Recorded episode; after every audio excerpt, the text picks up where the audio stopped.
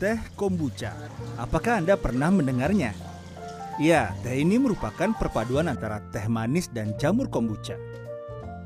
Jamur ini bukan jenis jamur shiitake atau jamur kuping yang biasa kita makan sebagai sayur, tapi selulosa hasil fermentasi yang biasa disebut SCOBY atau Symbiotic Culture of Bacteria and Yeast.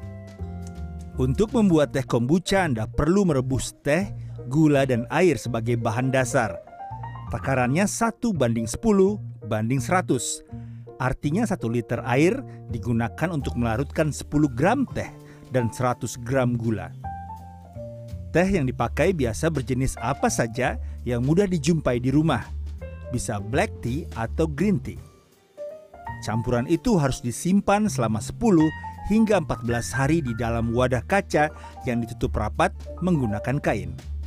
Kalau misalnya pembuat kombucha dari seluruh dunia kan uh, suhu di ruangan tuh beda-beda tuh, suhu di kota itu ya uh, di tempat pembuatannya. Jadi sebenarnya ideal itu antara 26 degree sampai dengan 30. Okay. Kalau misalnya lebih panas, dia itu fermentasinya lebih cepat. Kalau misalnya lebih dingin, fermentasinya bisa lebih lama.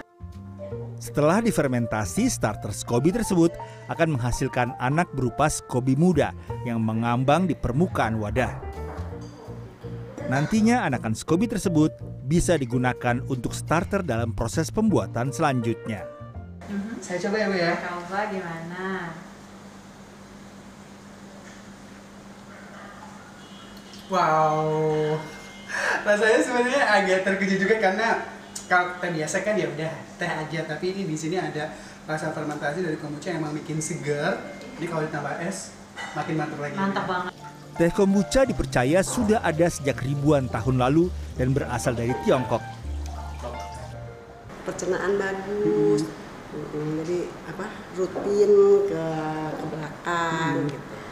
Terus ya bisa membuat happy, awet muda gitu Saya sih biasanya kan tempo hari kan uh, buang airnya ya susah. Tapi sekarang buangnya lebih enak lagi kalau pagi-pagi.